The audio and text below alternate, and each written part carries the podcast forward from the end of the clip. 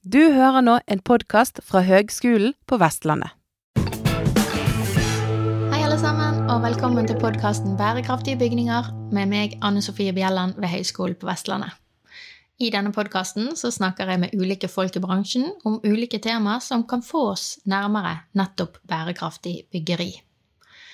Ombruk det står høyt på agendaen om dagen, og i ulike episoder så snakker jeg med ulike bransjeaktører om denne tematikken, blant annet. Og i dag så er jeg litt nysgjerrig på byggherresiden. For det er jo bestilleren som kan stille de kravene de ønsker til miljø og bærekraft i sine prosjekter. Og veldig mange bestillere benytter seg av denne muligheten allerede i dag, spesielt de store. Og den jeg kjenner til som er mest foroverlent på gjenbruk, det er Entra. Så jeg har derfor hatt meg en liten prat med Sturla Hjelmervik, som er leder i Entra i Bergen. Hei sann, Sturla. Hei, Anne Sofie. Hei. Du, takk for at du vil ta deg en prat med meg. Eh, jeg lurte på, eh, Kan du begynne med å fortelle litt om din bakgrunn og din rolle der du jobber nå? Det kan jeg gjøre. Jeg eh, heter også Sturla Hjelmevik. Jeg er leder for Entras virksomhet i Bergen. Og jeg har vært i Entra nå i åtte år.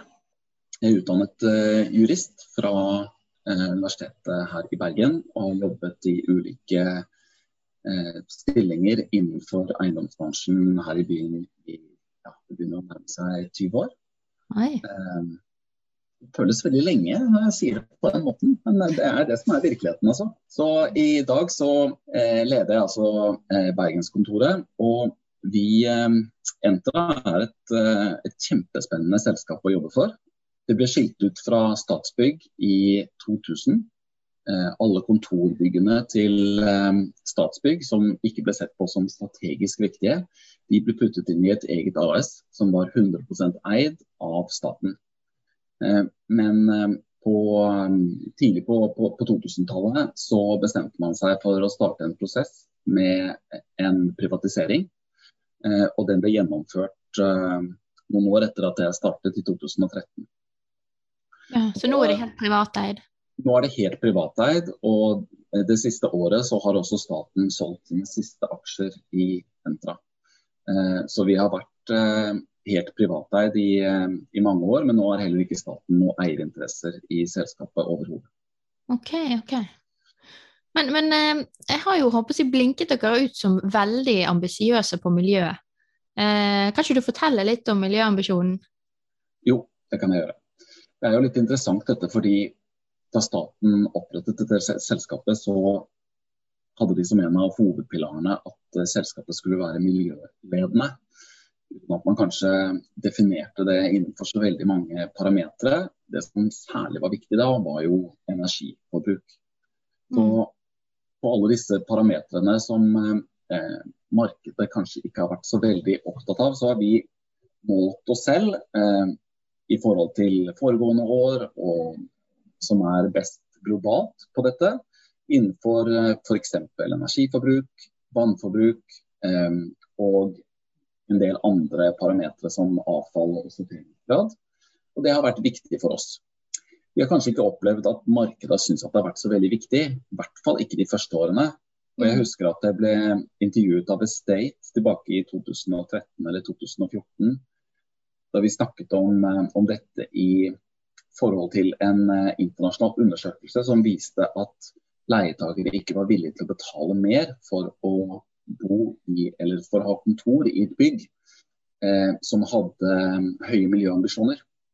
Oi. Og jeg sa den gangen, og jeg mener fremdeles i dag, at det er kommersielt selvmord å ikke tenke på miljø når man rehabiliterer eller bygger nye bygg. Ja. Eh, de siste fem årene så har jo denne vinden fullstendig snudd. Mm. Eh, og eh, særlig nå med taksonomien til EU eh, og helt andre krav som staten har stilt seg bak i forbindelse med Parisavtalen, så blir jo dette plutselig veldig relevant. Særlig når man tenker på at bygg står for 40 av energiforbruket globalt. Så er det jo mulig å gjøre enorme besparelser eh, hvis man tar grep. Mm. Og så må man ta grep på eksisterende bygninger For de aller fleste bygninger som står her om 10, og 15 og 20 år, de er allerede bygget. Mm. Eh, Så det nytter ikke kun å se på nybygg. Men, men der, er- der er du inne på det som jeg syns er kanskje mest interessant med dere, da, og det er jo at dere har kjørt hardt ut på dette her med ombruk. Mm. Eh, altså, hvordan vokste det, den satsingen fram? Dere har på en måte tatt litt ledelsen i, i ombruk fra, fra bestillersiden, i hvert fall. Så Ombrukstankegangen er jo en naturlig videreutvikling av vår miljøambisjon. Eh, Vi er med i et eh, samarbeid som heter Powerhouse-samarbeidet. eh, Og sammen med bl.a. Skanska eh, og en del andre samarbeidspartnere, så har vi både rehabilitert og bygget to Powerhouse i Norge. Det første var en rehabilitering av Kjørbo. Eh, Det som det heter Powerhouse Kjørbo. Og det er altså et rehabiliteringsbygg som eh, bruker mindre energi enn det produserer. Mm. Eh, og, og det var mange som sa at det ikke var mulig å få til da vi startet eh, sammen med de andre aktørene om dette, men det har vi altså klart. Eh, og i det samme samarbeidet så har vi også bygget et helt nytt bygg nå på Brattøykaia i Trondheim. Som også er et bygg som produserer mer energi enn det forbruker. Og Det som er så fantastisk der oppe, det er jo at vi bruker deler av ekstraenergien til et eh, mikrogrid, eh, som bl.a. lader eh, elektriske busser som går i området. Mm. Det er jo både det med å gi tilbake til nærmiljøet, som vi i utgangspunktet er veldig opptatt av, eh, og ha øye, høye miljøambisjoner. Og, og samtidig sørge for bedre økonomi til de som driver eh, transport i området. Alt sammen syns vi er eh, veldig, veldig bra. Mm. Jo, kjempebra. Ja, det er kjempespennende. Og Når det gjelder ombruk, så er det klart at eh, en, en viss andel ombruk har det nok alltid vært eh, ved rehabilitering. Men, men eh, forskjellen nå er jo at det har blitt mer satt i system, og at det har blitt flyttet opp i prioriteringsrekken. Mm.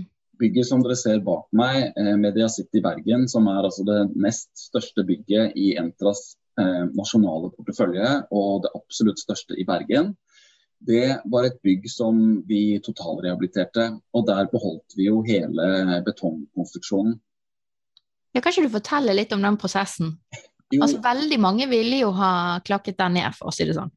ja, og, og jeg skulle gjerne sagt at eh, dette var et, et rent initiativ fra Entras side for å spare miljøet, men, men det er ikke sannheten. Eh, det er en kombinasjon av flere ting. For det første så var eh, formen på disse tårnene de var ønsket bevart.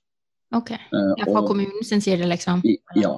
Mm. Eh, fra, eh, eh, fra det offentlige side så var det veldig viktig. Ok. Eh, og, og, Vi ønsket for så vidt også å, å bevare formen, og det var det som var utfordringen til eh, arkitekten Mad som, eh, som tegnet dette for oss. Og den, den enkleste måten var kanskje å, å beholde eksisterende betongkonstruksjon. Det var på ingen måte ukomplisert det heller, fordi selv om konstruksjonen i Media City Bergen er svært robust, ble prosjektert av, av Rambøll på sin side, og den originale arkitekten hadde veldig høye eh, ambisjoner om at dette bygget skulle stå i 100 år. Derfor så er dekker og bærekonstruksjon og sånne ting bygget veldig mye mer solid enn man vanligvis gjorde med næringsbygg på dette tidspunktet. Når var det sånn cirka? Ja, det var helt på, på begynnelsen av 80-tallet eh, eh, dette sto ferdig. Mm, mm. Men det må jo likevel ha vært et par hindre med tanke på funksjonskrav og disse Ja. greiene. Ja, altså Heldigvis så er dette bygget plaststøpt, så det gjør det jo veldig mye enklere med tanke på eh, vertikalitet og adkomst og interntrapper og sånne ting. At det ikke er hulldekker. Mm. Eh, Men en av utfordringene var jo at eh, selv om eh, betong, betongkonstruksjonen så veldig sånn enhetlig ut eh, da fasadene var på, så viste det seg at når vi rev, så var det jo forskjeller fra hver etasje og fra hver seksjon. Mm. Så vi fikk eh, disse fasadene produsert eh, ferdig i lukkede rom, eh, men hver enkelt fasade måtte jo tilpasses til den riktige etasjen og til den riktige kan du si, kvadranten eh, i de ulike etasjene. Um, og så blir de heist på plass som et stort sånn Lego-puslespill. Um, så det var, um, det var skreddersøm selv om bygget sto der fra før. Skjønner, skjønner. Uh, men vi er veldig glad i uh, etterkant for at vi beholdt denne konstruksjonen. fordi at i forhold til miljøregnskap uh, så er det jo ingen tvil om at det var det beste å gjøre på dette bygget. Andre bygg kan ha store utfordringer i forhold til dette med å beholde eh, betongen. og Jeg vet jo bl.a. at eh, fylkesbygget i Bergen har jo blitt eh, revet fullstendig og bygget opp på nytt. Mm. Og Den diskusjonen hadde de nok der også, men de hadde en del andre forutsetninger som, som antagelig gjorde det mer komplisert eh, å beholde betongkonstruksjonen der. Blant annet så eh, Fra utsiden i hvert fall, da, så er det lett å se på takhøyder som en stor utfordring. Mm. Hvis man i utgangspunktet har lave takhøyder, med de ventilasjonskravene som ligger i tekken nå, så er det veldig krevende å beholde eldre bygningskropper og eldre betongkonstruksjoner. For du får liksom ikke gjort noe eh, med takhøydene. Nei, jeg skjønner. Men her var, altså i Media City Bergen så var etasjehøyden god nok? håper jeg. Ja, ja det var den absolutt. Og, og den var bygget eh, mer som et nærmest industribygg enn som et kontorbygg. Okay. Så her fikk vi til eh, akkurat det vi ville. Mm. Men jeg tenker jo likevel, da, i forhold til det der med sant? Du har en del funksjonskrav, dette med etasjehøyder og sånn, men, men uh, altså, man må jo kunne klare å finne på noe lurt, har jeg tenkt. Ja. Uten å være VVS-ingeniør. altså, jeg er helt enig. Og eh, jeg har jo hatt mange diskusjoner rundt dette med særlig ventilasjonskrav Eh, de siste årene med arkitekter som, som, tenker på dette med naturlig ventilasjon. Og, og, hvordan kan man gjøre det annerledes? Hvorfor er det sånn at det nærmest stiger fra år til år? Trenger vi all den luften på denne måten? Det er mange relevante og viktige spørsmål, fordi det setter eh, agenda. Altså Ventilasjon setter sånn agenda for arkitekter eh, når man skal tenke planløsning eh, og tenke konstruksjon eh, i Norge i dag. Eh, at eh, og, og, det utvikles nye ting hele tiden, heldigvis, som gjør at dette kan bli lettere. Eh, men jeg skulle gjerne sett at man hadde noen forsøksprosjekter på andre måter å ventilere bygg på, som ikke krevde disse voldsomme kanalene og rørene. Mm, absolutt. Men, men, men Media City i Bergen, var det økonomisk gunstig å gjenbruke konstruksjonen, eller var det liksom i miljøets navn og håper jeg, for å svare på disse her bevaringskravene? Tror dere dere sparte ja. penger på det? Ja, jeg tror ikke vi har gjort et alternativt budsjett på det. For det var ikke Vi, vi regnet aldri, så vidt jeg vet, på um, hva det ville føre til å rive alt ned. Uh, men, men, jeg vet at miljøhensynet ble tatt opp der som at det på en måte sammen med bevaring, sammen med, å, eh, sammen med arkitektur, og det at kvaliteten var så høy, eh, så var det den veien vi gikk. Jeg tror jo at eh, det vil overraske meg om, eh, om vi i hvert fall ikke gikk ut i null. Og det kan godt tenkes at vi, at vi sparte penger på å ikke rive alt ned og bygge opp igjen på nytt. Vi måtte jo uansett ha jobbet med, med lavutslippsbetong og gjort en del sånne grep i forhold til det. Og det er jo heller ikke det billigste.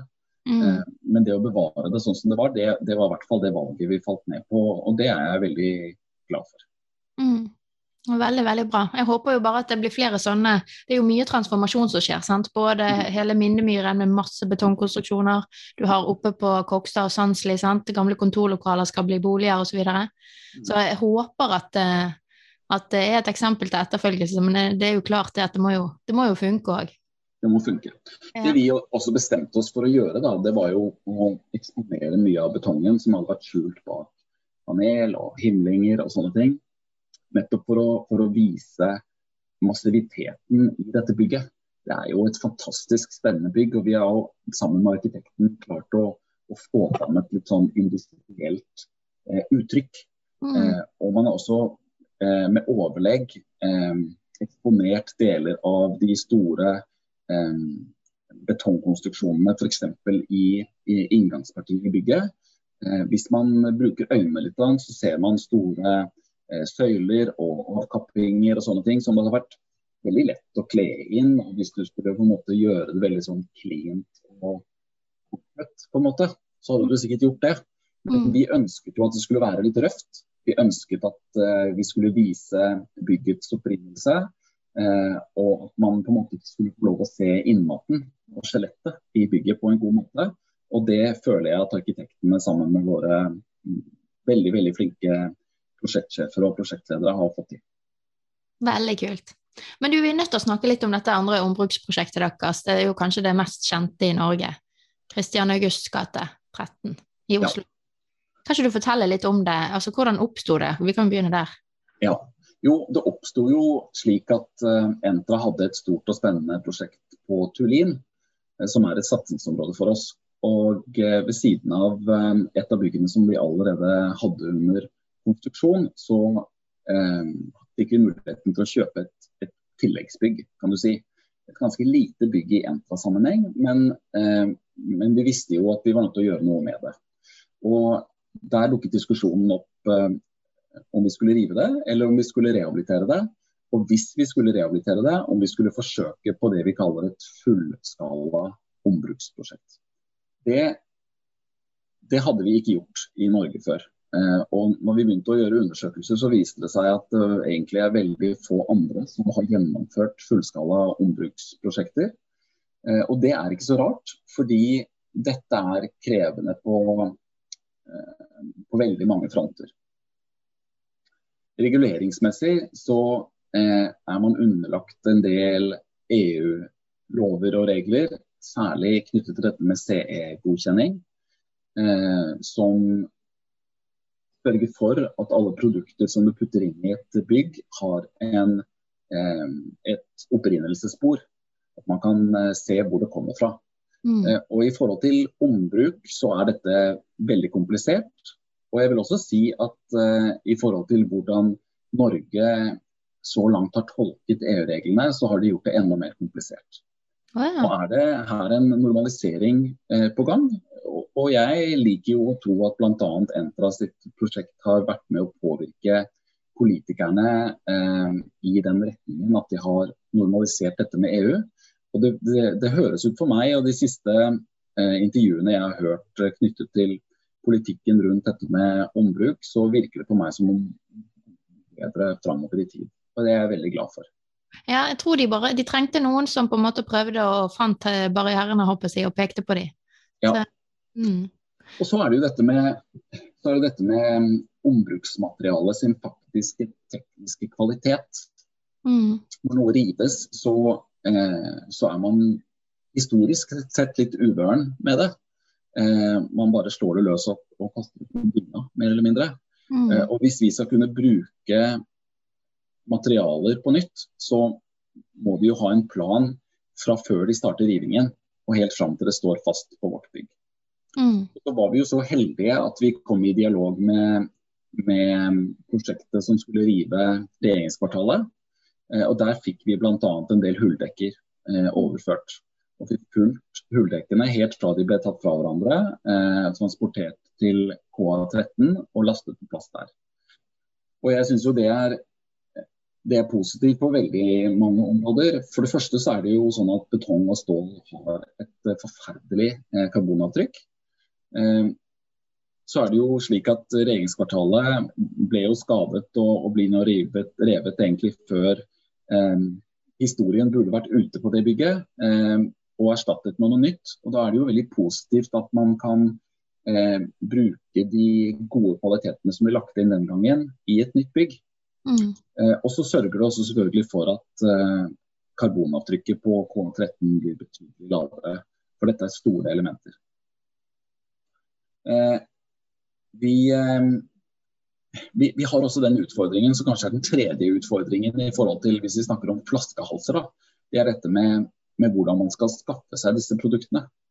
I dag så er det ikke en nasjonal eller for så vidt lokal database knyttet til um, materialer. Det er mange både startups og um, større selskaper som jobber fram gode databaser på dette. Men um, de dekker overhodet ikke alt materialet som rives fra eksisterende bygningsplasser. Mm. Så her måtte vi egentlig gå i gang selv. Og det er våre prosjektledere og innleide konsulenter som har vært rundt og saumfart markedet for å prøve å finne produkter vi kan bruke. Og her må man rett og slett være kreative, fordi det er ikke slik at du bruker samme type produkt nødvendigvis fra ett bygg og bruker den på samme måte eh, i et ombruksprosjekt. Mm. Hos oss i KA13 så eh, hadde vi bl.a. Eh, kontakt med Tøyenbadet, som skulle eh, rives og bygges opp på nytt. Der fant vi masse gamle stålrister som de hadde brukt eh, i tekniske rom. Eh, disse var av høy kvalitet og skulle nok egentlig bare kastes, men vi bygget dem opp og brukte dem som rekkverk rundt inne på bygget. Så det er på en måte en helt annen bruk enn sånn som de var tiltenkt. Mm. Vi brukte også fasadeplater, eh, flotte granittplater som hang på et av våre andre prosjekter, som viste seg at innfestningsmetoden eh, var gjort feil, slik at vi kunne ikke bruke dem som fasadeplater lenger. De har endt opp som eh, dekker på terrassen på bygget. Ah. Eh, som, som, også er en helt annen type bruk enn det som var tanken. Og så har vi brukt tusenvis av fliser Eh, fra masse forskjellige restelagre eh, og fra andre prosjekter. Satt sammen på, på spennende og nye måter eh, inn i KA13. På alle toaletter og alle andre flater der vi skal ha fliser. Og det tror jeg egentlig oppsummerer det der bygget litt. Da, fordi at når du kommer inn i et ombruksbygg, så ser du at dette er annerledes. Men det holder allikevel alle de tekniske kvalitetene som det skal holde. Ehm, og det ser friskt og nytt ut, selv om det er litt drøft i kantene. Ehm, og Det er kanskje fjerde, det fjerde elementet som, som, jeg har utfordret mange på. Da, fordi som, som, selskap så kan vi gjerne bygge sånne bygg, men vi er jo helt avhengig av at vi får leietakere i dem. Mm. Og hvis alle har bestemt seg for at det eneste saliggjørende for oss, det er å ha et helt friskt nytt bygg der alle flater er rene og nye og eh, eh, på en måte siste stikk, så blir det ikke noe marked for dette, eh, disse ombruksbyggene. Og det mener jeg er helt eh, feil. Hvis man tar eh, miljøstrategien sin seriøst, og det vet jeg at det er mange selskaper som gjør, så er det en fantastisk anledning til å få et ordentlig avtrykk, rapporterbart avtrykk, eh, ved å velge et ombruksbygg framfor å flytte inn i et nybygg. Mm. Men opplever dere interesse for prosjektet? da? Er det leietakere som ønsker inn? Ja, Heldigvis med dette prosjektet så hadde vi en leietaker som kom til å ta hele bygget. og Det var eh, International Work Group, de som har Regus og Spaces kontorhotell. Eh, og Spaces flytter inn i, i dette bygget eh, og For dem så var dette viktig, for det er en del av deres globale miljøsatsing.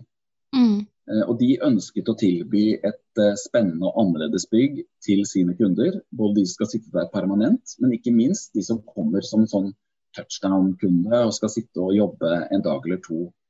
Mm. Ja, okay. Eh, så det er de som tar dette bygget. og Det, vi, det samarbeidet med Spaces har vært veldig veldig bra i dette bygget. Eh, for vi er også helt avhengig av at det er leietakere som er interessert. Mm. Jeg tror at på sikt så kommer dette til å løse seg helt av seg selv.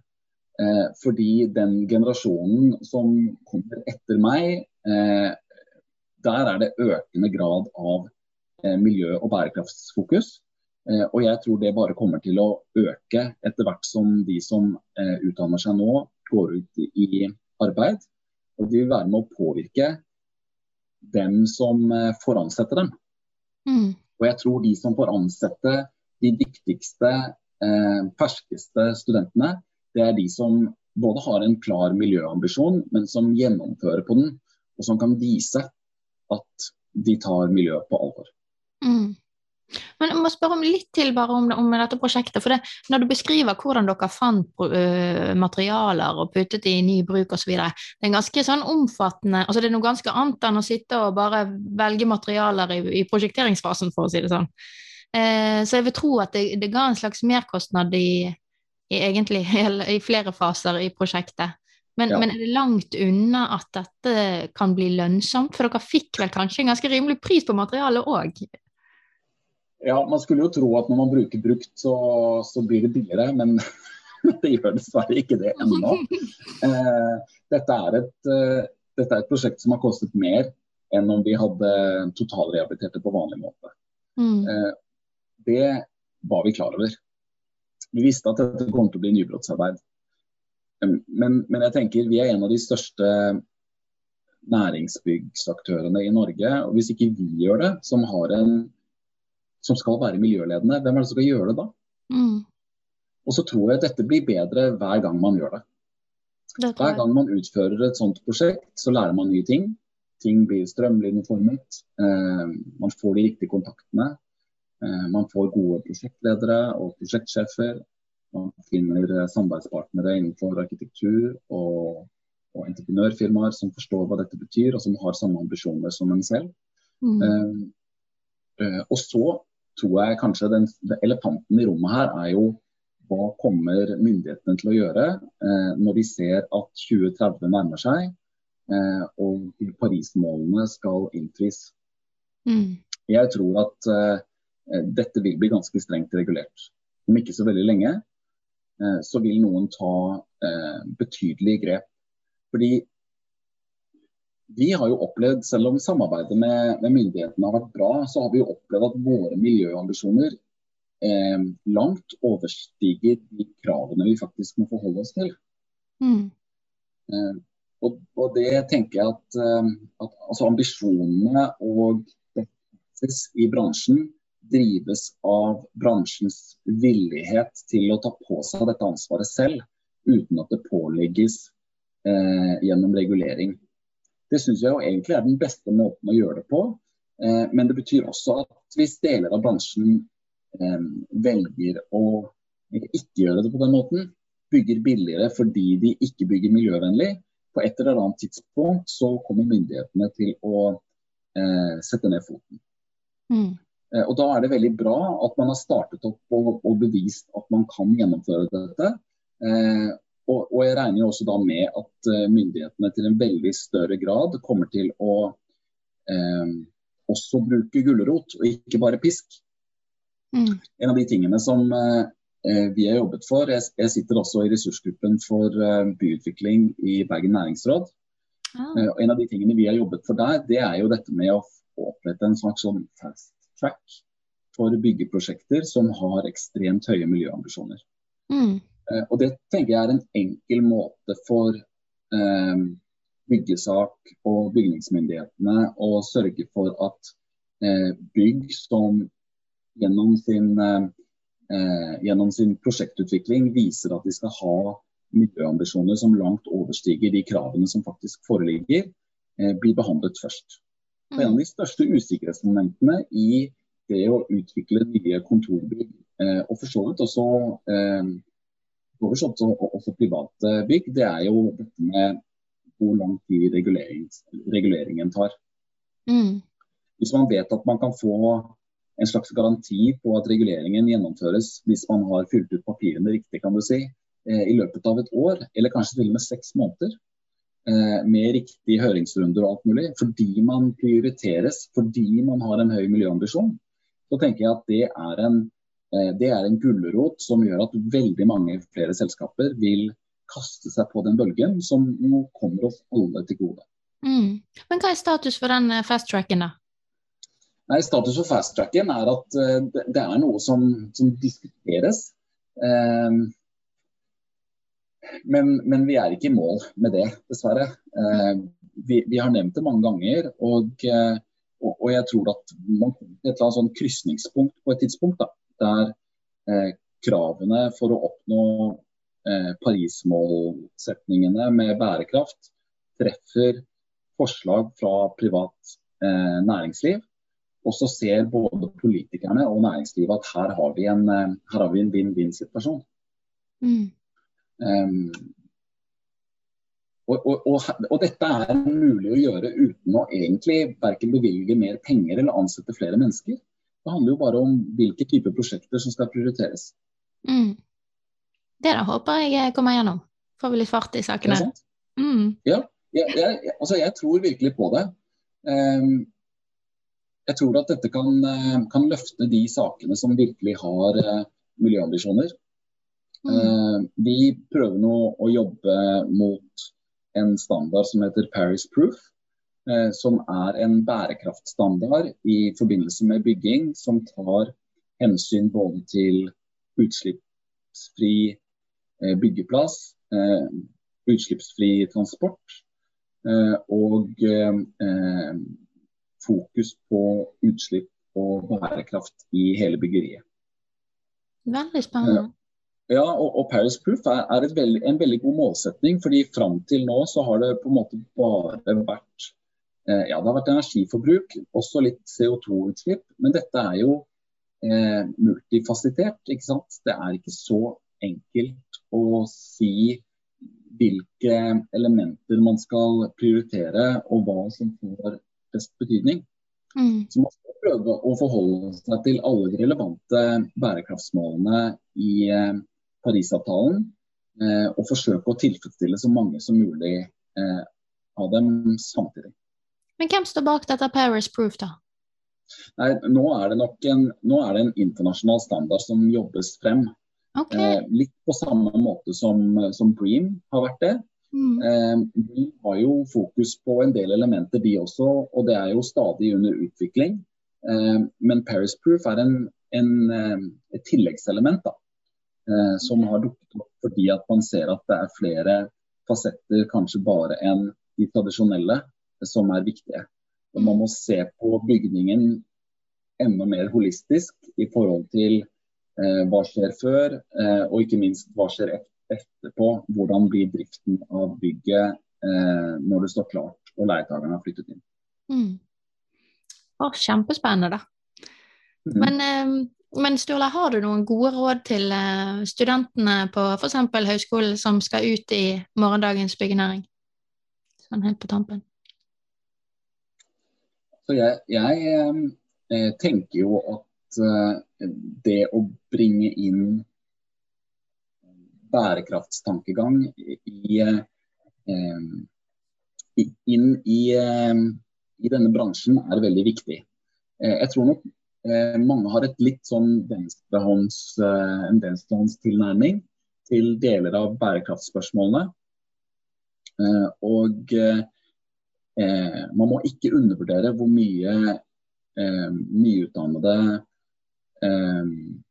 mennesker kan påvirke et selskap og hvilken retning det tar. Eh, og, og, kunnskap er helt avgjørende her. Det at man gjør undersøkelser og kan sette ting i system, vise hva, hvordan dette har vært gjort tidligere og hvordan det kan gjøres bedre framover i tid, det tror jeg er, eh, er viktig. Og så at man er åpen for eh, innovasjon og kan bidra til en innovasjon i disse selskapene som, som absolutt har godt av det, tror jeg. Så tror jeg altså det er viktig at man eh, at man jobber med nettverk. At man sørger for at man treffer ulike selskap, at man drar rundt og ser på ulike bygninger. Og, og, og, jeg tror mange av disse selskapene som tar imot studenter, er betydelig mer åpne enn man kanskje skulle tro. Man kan komme langt med en telefonsamtale eller en e-post. Eh, spørre om man kan få en time eller en halv dag eh, og se på prosjektene og høre hva slags tanker de har f.eks. om miljø eller om selskapets fremtid. Mm. Eh, og, og, jeg får jo henvendelser av og til fra, fra, grupper som har lyst til å komme og se Media City eller andre prosjekter vi har. Og som regel så har jeg tid eh, til, å, til, å, ta dem med rundt og vise det fram. Vi er jo kjempestolte av det vi har fått til i Bergen. Eh, og, og, akkurat den gruppen som jobber med og, og skal se på dette i, i framtiden, høyskole- universitetsstudenter, eh, nyutdannede som akkurat har startet et sted. Det er jo ingen som er bedre å dele den kunnskapen som vi har akkumulert over mange år. Eh, og, og, få deres innspill på hva som kommer til å være viktig fremover. Mm. Så, og så, man skal, selvfølgelig, man skal selvfølgelig gjøre det bra på skolen, men eh, still spørsmål og, eh, og prøv å, å møte folk jeg tror man får helt andre inntrykk av de ulike selskapene når man går rundt og treffer dem. Og treffer ildsjeler og folk som brenner for det de gjør. Eh, og så får man eh, velge riktig når man skal ut i arbeidslivet. Veldig mange gode råd der, Sturla. Kjempebra. Jeg er helt enig med deg. Og utrolig gøy å høre på eh, altså at dere tar den kostnaden, for det er jo en kostnad, sant? at dere liksom eh, koster på oss samfunnet å, drive litt uh, utvikling, det er supert. Jeg vil også si at uh, For å sørge for at dette ikke er noe som bare blir kunnskap internt i Entra, så har vi nå fått laget en, en rapport som tar for seg alle parametrene av KA13-bygningen. Alle våre erfaringer på en måte samlet et sted. Den er åpent tilgjengelig. Mm. Og Det har vi jo gjort fordi vi tenker at dette er kunnskap som hele bransjen bør få. Og den kan jo være spesielt interessant å ta tak i for studenter Eh, nettopp fordi at her har man faktisk gjennomført et fullskala ombudsprosjekt. Dette mm. er ikke en sånn uh, tenketank som har sittet og, og lurt på hva som vil skje. Dette er faktisk gjennomført. Mm. Og jeg tenker at mange vil få aha-opplevelser ved å gå gjennom den, og, og, særlig kanskje se på de utfordringene vi faktisk møtte og løste underveis. Veldig, veldig bra. Tusen takk. Mm. Eh, takk for praten, Sturla. Bare hyggelig. Ha det godt. Ha det bra. Jeg er utrolig glad for denne her delingskulturen i byggenæringen som bare virkelig har fått grofeste. De fleste er veldig åpne og klar for å fortelle om eh, alt det flotte de eh, holder på med. Og eh, det kommer oss jo alle til gode. Så denne rapporten får vi nå ta en kikk på, og så får vi alle fortsette å, å følge med i utviklingen. Ha det godt, folkens. Du har nå hørt en podkast fra Høgskolen på Vestlandet. Du kan høre flere podkaster fra oss ved å gå inn på nettsiden hvl.no. slash podkast. Du har nå hørt en podkast fra Høgskolen på Vestlandet. For å høre flere podkaster, besøk hvl.no. slash podkast.